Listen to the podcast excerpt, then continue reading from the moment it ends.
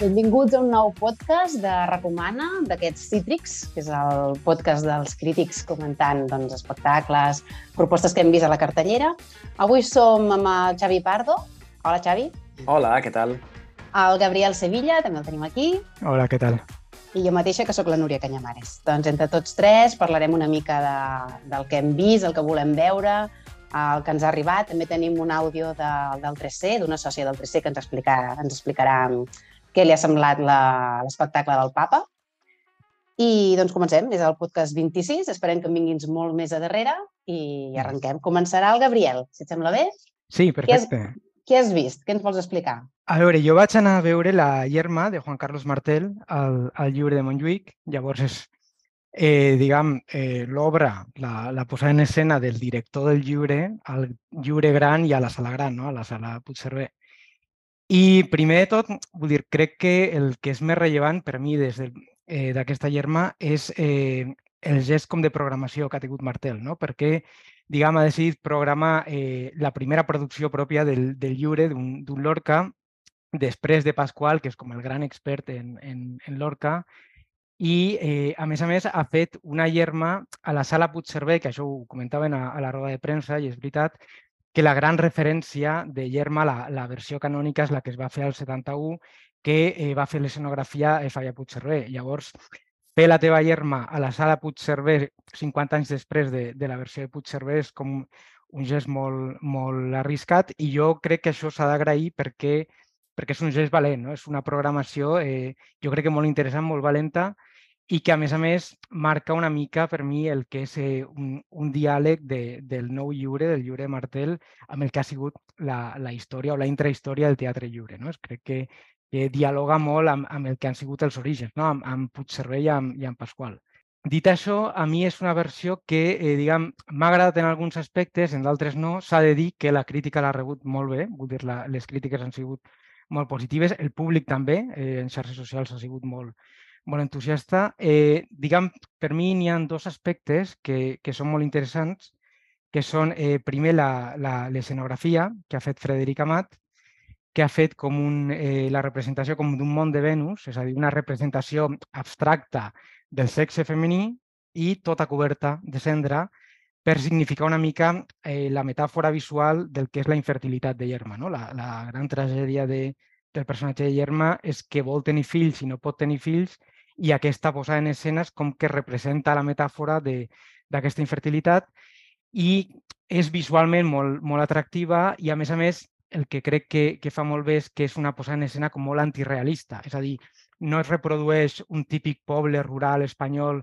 amb tots els seus elements eh, costumistes, si vols, sinó que et fa una representació metafòrica que crec que va molt bé amb el llenguatge de l'orca, no? que és un llenguatge com molt antirealista i molt metafòric. No? Són uns personatges que tant en quant et fan una frase com més, més popular, més proverbial, però que també et surten, et fan frases que són com grans metàfores, no? com recorden una mica el romancero gitano o el, o el poeta en Nova York, i crec que aquesta posada en escena com abstracta, metafòrica i antirealista va molt bé no? amb, amb el text de l'orca.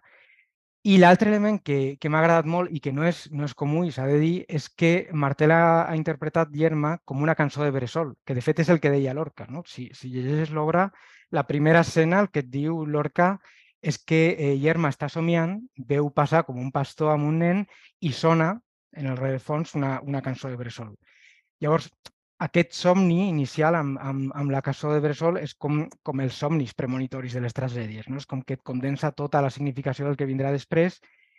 Moltes vegades eh, en les versions contemporànies de l'Orca aquest somni i aquesta cançó de Bressol s'elimina i Martel no només no l'ha no tret, sinó que l'ha respectat i li ha donat tota la seva importància i jo crec que això funciona molt bé. És, és una lectura com molt encertada. I diguem, la part que a mi personalment no m'ha convençut tant, però és veritat que sí que a la, a la crítica i al públic els ha agradat molt, ha sigut eh, la direcció d'actors. És a dir, no els intèrprets, que em semblen molt bons actors, de fet els, els he vist en altres obres i m'han agradat molt, sinó, diguem, el to general que han donat a la peça que per mi no era, eh, diguem, tan convincent. És a dir, eh, en el cas de la Yerma de, de Maria Arbàs, eh, per al meu gust, era una Yerma com que començava ja en un registre molt dramàtic, com molt al límit, no? molt, molt, molt trencada, i això és com que limitava molt les possibilitats d'evolució dramàtica després, no? I, i Maria Herbàs jo l'he vista, per exemple, recordo Jauria de Jordi Casanovas, que fa, va fer un paper magnífic, vull dir que, és, que em consta que és una molt bona actriu, però en aquest cas crec que el registre és com massa dramàtic des de l'inici, no? és com, com molt al límit. I en canvi el, el Juan de Joan Amargós, que a mi Amargós m'agrada moltíssim, vull dir, el recordo a, a Nit de Reis fent Malvolio, als Àngels d'Amèrica fent de, de Prior, i va fer molts bons papers. En aquest cas, la meva impressió és com que ha volgut fer un registre com molt discret, molt, molt sobri, molt auster, i de vegades queda com, per al meu gust, com massa discret. No? És com que de vegades li demanaries una mica més d'empenta, no? una mica més d'intenció. Però insisteixo, vull dir, el, el problema no són, evidentment, els actors. La qüestió és que crec que s'ha decidit aquest tipus, aquest to de la, de la versió de Martel. A mi, personalment, no, no m'ha convençut tant, però crec que és una opinió molt estrictament personal perquè sí que és veritat que en, en general ha, ha agradat molt. Ara, eh, torno al principi, diguem, eh, crec que el més rellevant d'aquesta germa o el més interessant és la decisió de Martel de tornar a l'Orca després de Pasqual i de tornar a Germa a la sala Puigcerver. No? Jo crec que aquí n'hi ha, ha molta història del teatre lliure i crec que, que és un, un gest de programació molt interessant perquè Martel ahir recupera eh, el que jo crec que és la part més interessant del llegat de, de Pasqual, que és programar l'Orca i fer un Lorca que és difícil, no? que és un Lorca que, que s'ha arriscat de fer. Llavors, eh, diguem, aquesta ha sigut la meva, la meva visió de, de Germa. Molt bé, molt, una opinió molt completa. Sí, sí, sí, sí jo estic 100% d'acord amb tu. Uh, la vaig veure ahir i, i em va semblar o sigui, un, un muntatge bastant o sigui, molt notable Uh, I això que les expectatives uh, van a la contra, perquè quan són tan elevades, justament per aquesta intrahistòria del llibre, sí. dius, hòstia, cuidado que són palabres mayores, això aviam què hauràs mm. fet, no? I justament, a més, venint de, de muntatges anteriors de, de Martel que no havien acabat de funcionar. Um, I em va semblar una excel·lent posada en escena, uh, justament per això, per com dialoga amb, amb Puigcerver, ho comentàvem a la sortida amb el Ramon Oliver, uh, de, de com aquesta aquesta tela que, que col·loca el Frederic Amat en, en s'emmiralla una mica no, amb l'escenografia que, que va fer el mateix Puigcerver als 70 mm. I, i em va semblar que, que estava molt bé tot i que també hi ha alguns elements que no vaig acabar d'entendre. Per exemple, hi ha un moment en què, o sigui, a l'inici, en què utilitzen un titella eh, mm. d'un nen eh, sí. que l'utilitzen al principi i després se n'obliden.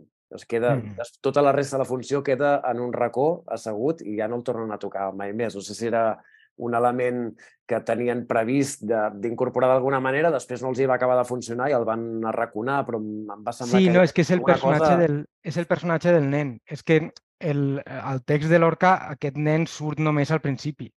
És a dir, probablement hauria sigut més clar treure'l. No? Treure'l d'allà, sí, perquè es queda... Posar-ho tota... al principi, treure'l i ja queda tota la funció com un sí. espectador de, del, del sí. que està passant, no? I no, no sap si és volgut el fet de que aquell nen adopti un rol passiu d'espectador, de, de, de voyer de tota la situació, o... No, és o si una és mena de... Sí, si és, és com l'espectre del fill que Guillermo mai tindrà, no?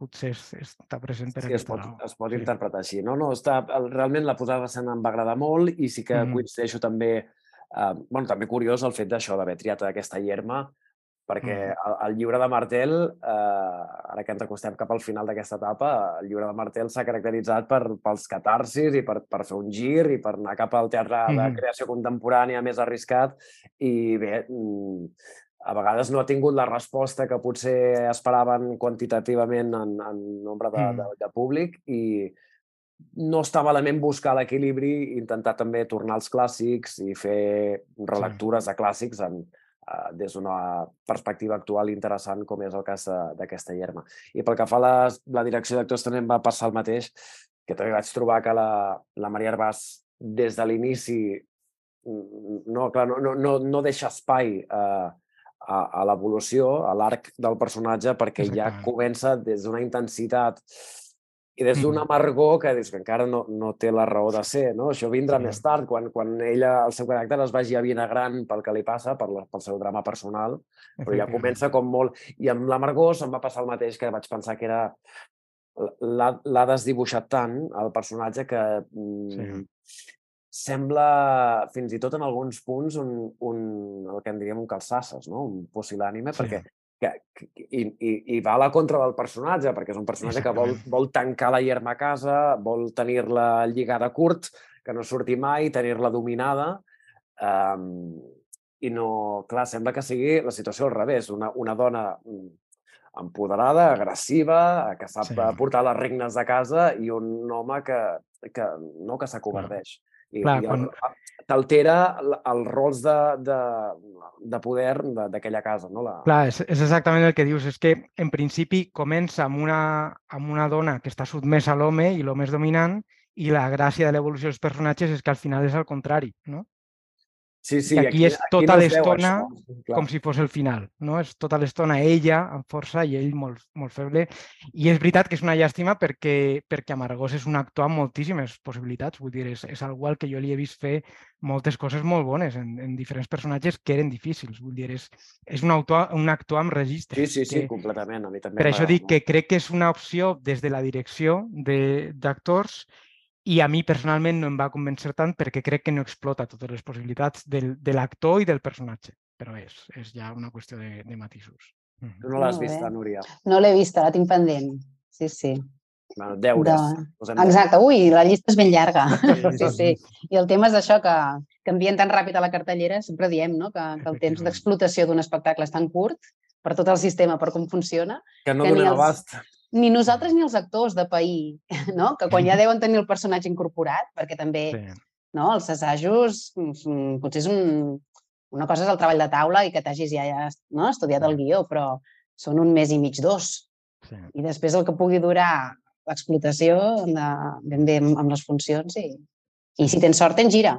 Mm. I si no, no allà s'acaba aquesta hierma, sí, aquesta hierma anirà a Madrid i després tornarà a Catalunya. Llavors ahir la podrem veure una altra vegada. No a Barcelona, però per, per Catalunya. Llavors Molt bé.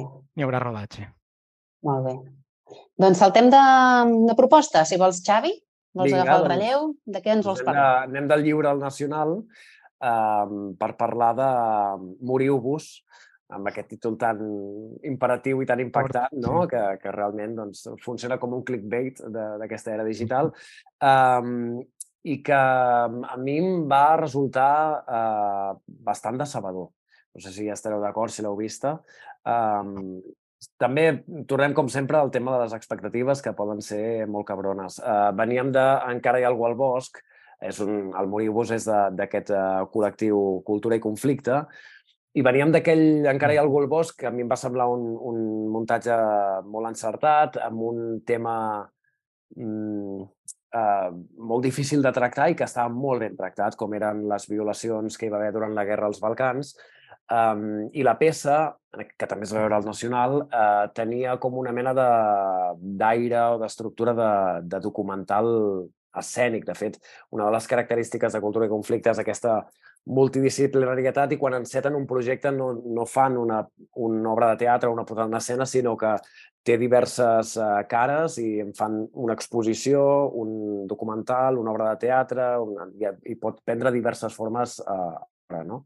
I, de fet, a l'Encara algú al bosc van fer tant l'obra de teatre com el documental uh, que es va passar a TV3. En aquella ocasió em va semblar un, un treball d'investigació, per això dic que l'obra de teatre era un documental escènic, perquè tenia aquest format i, i perquè van fer aquesta feina d'anar fins allà, entrevistar els testimonis, etc i presentar-ho eh, en llenguatge teatral, més enllà del llenguatge també televisiu que, que, que van parir. I en aquest cas, no sé si m'esperava alguna cosa semblant, però aplicat al, al tema de l'edatisme, que és, que és el tema que mm. aborden en aquesta, en aquesta ocasió i que també em sembla un, un temazo, vull dir que hi ha moltes coses a tractar i és un tema que, que ens interpel·la a tots, perquè si no hi ha cap desgràcia, tots hi arribarem a vells i tots haurem de passar per aquí, no?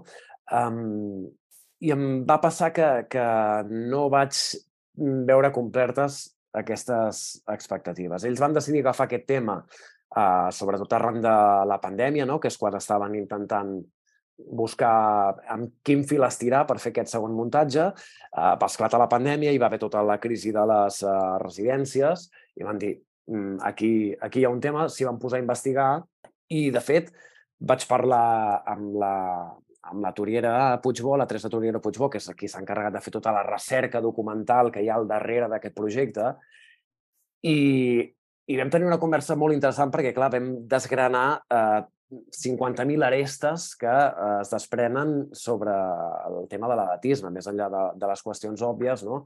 I són qüestions que jo no he trobat plasmades en el muntatge. I jo el muntatge eh, em va semblar que era molt, molt senzill, molt bàsic, mm, molt evident, fins i tot, no? les qüestions que es tracten. En escena, eh, diguéssim, juguen a, a dos nivells per fer una mica, diguéssim, les dues fórmules estàndard de bellesa que, que ens podem trobar avui en dia, no? i ens trobem la part de la residència, de gent gran, i ens trobem la part doncs, d'un doncs, avi que viu sol a casa seva, eh, que té el, el típic botó de, de la teleassistència, etc. No? I com són aquestes dues fórmules mm, mm. d'afrontar els, els últims anys de vida. El que passa és que les situacions que retraten són tan quotidianes eh, que, de fet, no... Jo, em va fer la sensació que no m'aportava gran cosa el que estava veient. Sí, veiem el personatge de la Imma Colomer que és el personatge que interpreta doncs, aquesta dona gran que viu sola a casa seva, que se sent que, que pateix aquesta soledat, no? que abusa del servei de teleassistència per tenir eh, l'excusa per parlar amb algú, no? per sentir alguna veu i sentir-se acompanyada. I després tenim el format de la residència en què hi ha doncs, la, la resta d'intèrprets i que ens retraten doncs, moments um, absurds com la coreografia en què no, el moment de prendre's la pastilla o com a vegades doncs, els enxufen de cara a la tele i se n'obliden. Hi ha diverses escenes, no hi ha un fil, no hi ha una història, no hi ha una trama, però sí que hi ha diverses uh, escenes com per, per crear aquest mirall de, de, de, del que pot ser la, la nostra bellesa avui en dia. Però em va semblar això, que hi havia tots una infinitat de temes mmm, molt candents que es podrien haver plasmat d'alguna manera en escena i que o bé no hi eren o estaven esbossats de forma mm, molt esquemàtica o molt de passada. Uh, no? Tot el tema de, de les pensions, de, de la inversió de, les, de la piràmide de població, no? tot el tema de les cures, um, no sé, hi havia moltes qüestions que em va semblar que, que, que es podien haver tractat, no? el tema del capitalisme, com, com capi eh, convertim la bellesa en un, en un fet més del, capital, del capitalisme i com que aquesta gent ja no és productiva, per tant ja no ens interessa, els aparquem, no? Hi havia qüestions que no vaig, que, que em va semblar que, que, bé, que hauria estat bé tractar en escena o que jo no vaig saber veure reflectides. Sí que hi ha qüestions que estaven molt bé, no? Com a mi em va agradar molt, per exemple, les coreografies de, de la Sol Picó, la seva direcció coreogràfica, no? perquè sí que era una manera de donar, d'evidenciar, de, sobretot en les coreografies grupals de les residències, la, de buscar la comicitat i, i, i d'alguna manera posar palesa la, la ridiculesa, no? l'absurditat la, d'algunes de, de, les, de les situacions. Um, també, i moments encertats, com per exemple el final que és molt emotiu l'última escena de, de l'Eima Colomer. També hi ha altres punts meritoris, eh? com per exemple la, la, la transgressió, fins i tot que suposa eh, el simple fet de col·locar cossos no normatius en escena, perquè no hi estem acostumats eh, i, i, clar, aquí estem veient cossos vells, amb, amb B baixa i amb B alta, per què no?, eh, en escena. I, I això encara, avui dia, encara pot frapar una mica i ja pel simple fet de, de la presència d'aquests cossos en, en mm. escena, doncs ja, ja estàs doncs, dient alguna cosa, no? Mm. Um, però sí, em va semblar això, que vaig sortir que um, no... Vaig sortir com vaig entrar, que no... Llavors, és, diguem, un tractament molt diferent al que li va donar la Victoria Spunksberg, no? El, el pes d'un cos. És, molt diferent. El que estàs dient és, és com molt diferent, sí.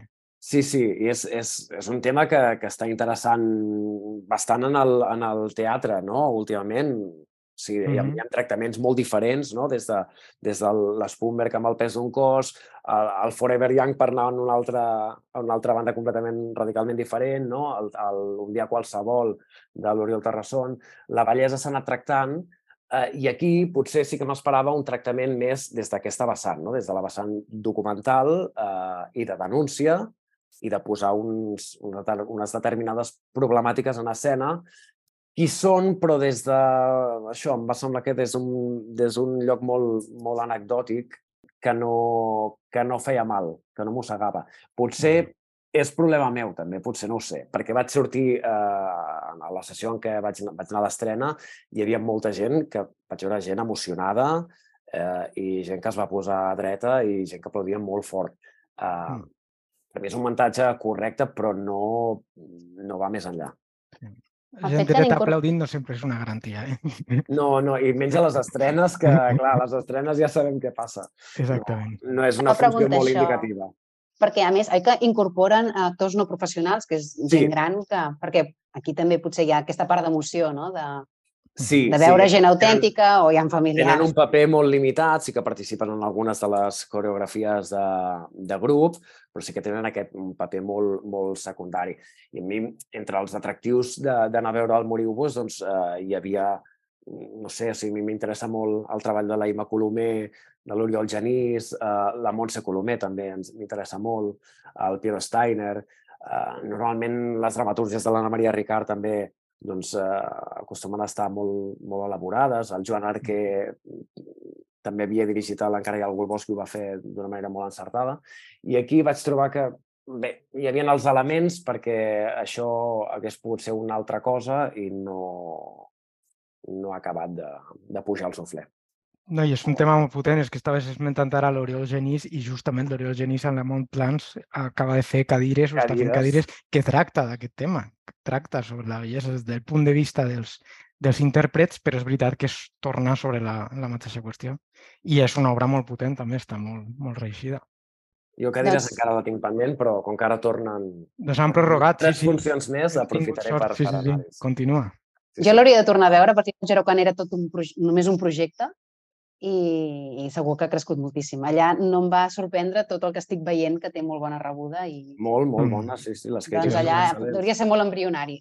Va estar bé, Val la pena. Sí, no sí. El, que, el que es comenta. Si us sembla, saltem al Teatre Acadèmia, que tenim l'àudio de la Margarida Fuertes, la sòcia del 3C, que ens volia parlar mm. sobre el papa.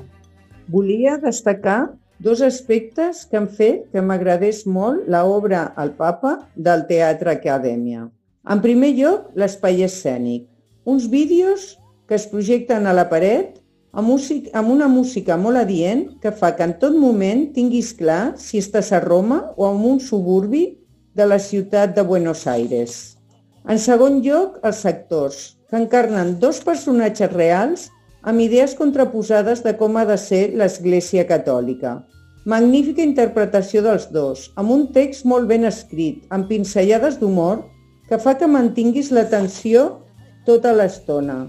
T'apropa a una visió més personal i privada dels personatges, quina música els agrada, què veuen a la televisió, els fa més humans i al mateix temps aguditza les diferències entre un papa alemany i un d'argentí. I quan surts del teatre, dona peu a seguir comentant amb els amics sobre el que has vist i sentit. Una bona obra que recomano. Gràcies al 3T. L'heu doncs, vist vosaltres, el papa, o no? Sí, sí, sí, jo la vaig veure, de... no l'estrena, però gairebé, i a mi em va agradar molt, la veritat. És que és una història, diguem, és una història molt tradicional amb tots els recursos narratius de tota la vida, llavors no et sorprendrà en aquest sentit, però està molt ben explicada, té el, com el seu element més polític, més conflictiu, té la part més d'humor, està molt ben documentada, vull dir, és evident que, que l'Anthony McCarten es va documentar molt, i, eh, diguem, les dues interpretacions de Xavier Boada i de Lluís Soler són, són un luxe absolut. Vull dir, recreen molt, molt bé les, eh, els dos personatges. A més a més, ho fan d'una manera molt, molt lliure. Vull dir, no, no cauen, per exemple, en la, en la paròdia de l'accent alemany o l'accent argentí no? per, per caracteritzar els personatges i a mi em van fer oblidar completament els, els referents reals, vull dir, els que són els dos papes reals, i fins i tot la, les interpretacions de la versió de Netflix, que és probablement la més coneguda, no? la d'Anthony Hopkins i Jonathan Price, i le, les interpretacions són, són un luxe. I el text és el que deia, vull dir, no, no serà mai un text que passi a la història del teatre per haver trencat cap convenció, però és com que tots els recursos narratius de tota la vida els, els, els utilitza d'una manera meravellosa, vull dir que funciona francament bé. Sí, la posada en escena de l'acadèmia també funciona molt bé amb el, amb el mapa, això que destacava sí. uh, la, ell ara que la sentíem, que parlava de, dels mappings, uh, sí. també és un recurs que funciona molt bé. A mi, jo, el, el millor que em puc dir del papa és que el tema no em podria interessar menys i el muntatge, en canvi, em va agradar molt, que és com... Sí. Em feia una mandra absoluta, perquè la pel·lícula de Netflix, per exemple, no l'he vist, però perquè no m'interessa, és un tema que no m'interessa, en absolut. Yeah i em feia molta mandra d'anar-hi, eh, però al final vaig claudicar, vaig anar-hi i realment em va semblar això que dius, Gabriel, va estar molt bé, la, la, l'obra està molt ben, molt ben documentada, molt ben escrita i molt ben entrenada, funcionen molt bé els mecanismes i ells dos mm. estan, estan esplèndids. Doncs encara que, sí. diguéssim, no, no sigui un gran fan de l'actualitat vaticana, doncs eh, realment com a, com a història té la seva gràcia, sí.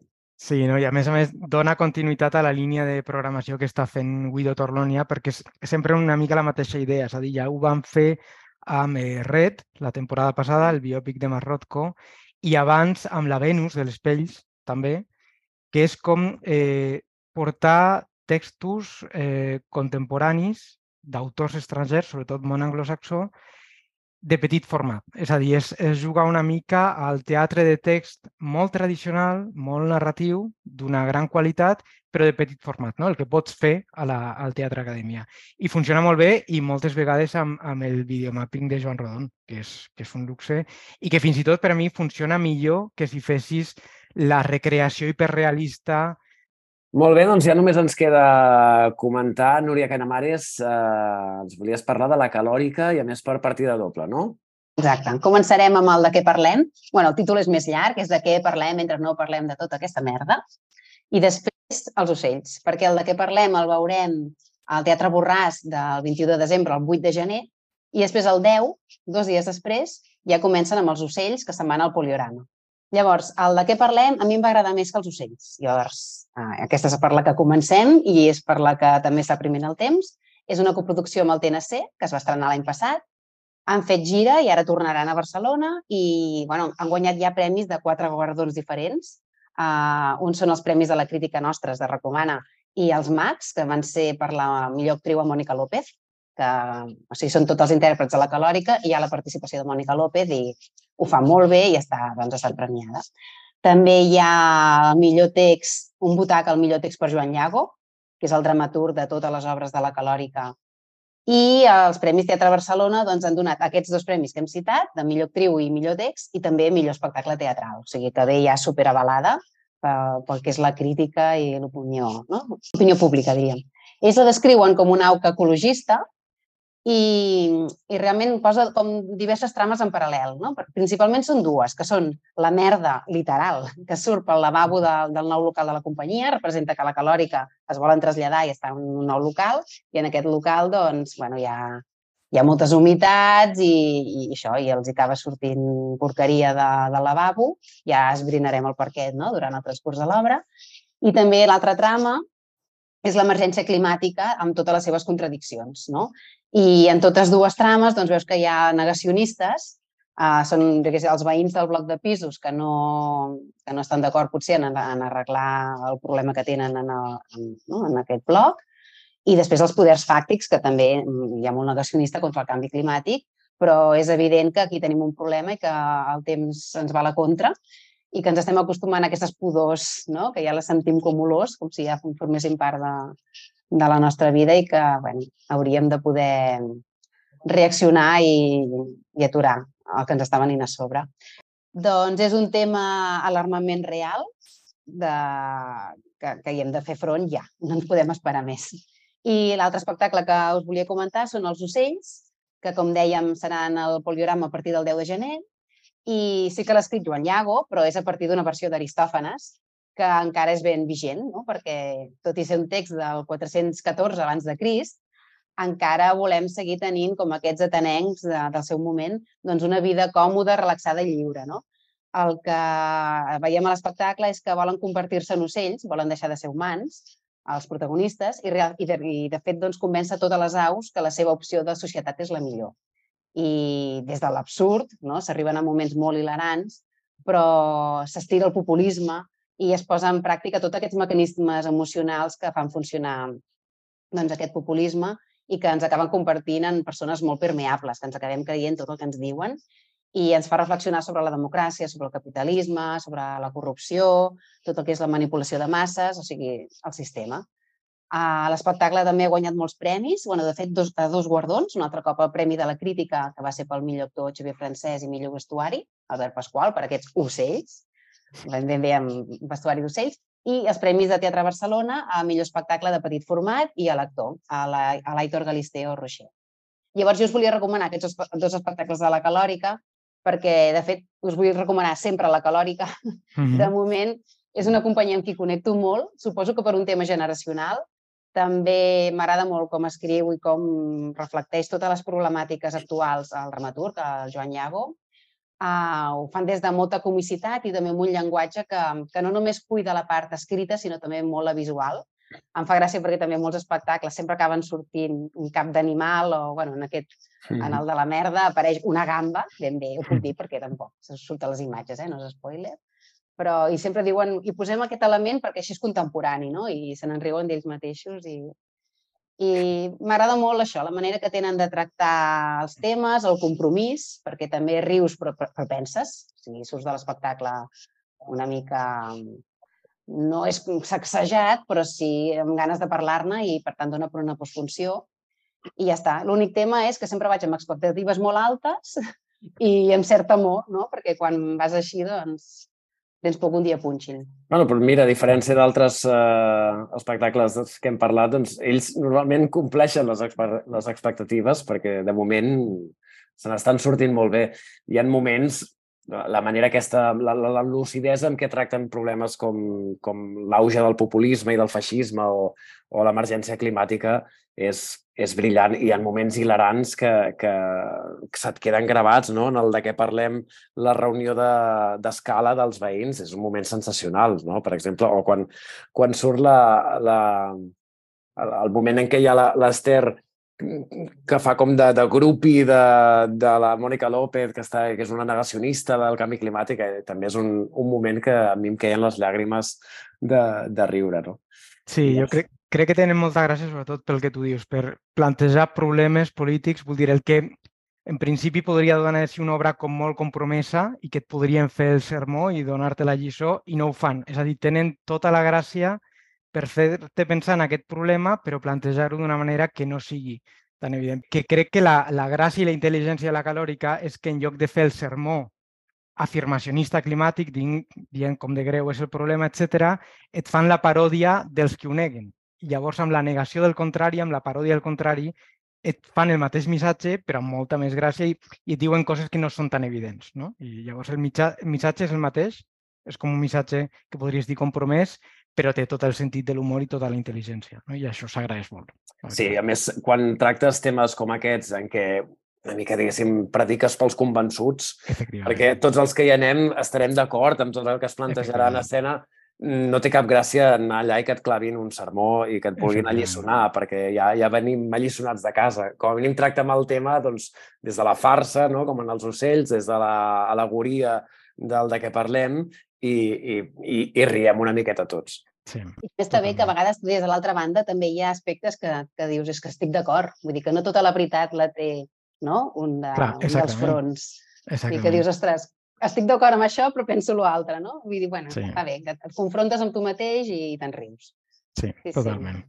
Molt bé, Som tots doncs calòrics. Som molt calòrics, sí, sí. A veure quan fan la propera i ja seguim veient. Doncs sí. Doncs moltíssimes gràcies per les vostres aportacions. I... Gràcies a vosaltres. Sí, sí, bueno, estic fent com de presentadora i tertuliana alhora. És com un paper una mica estrany, però ho fem així, recomana. I res, està.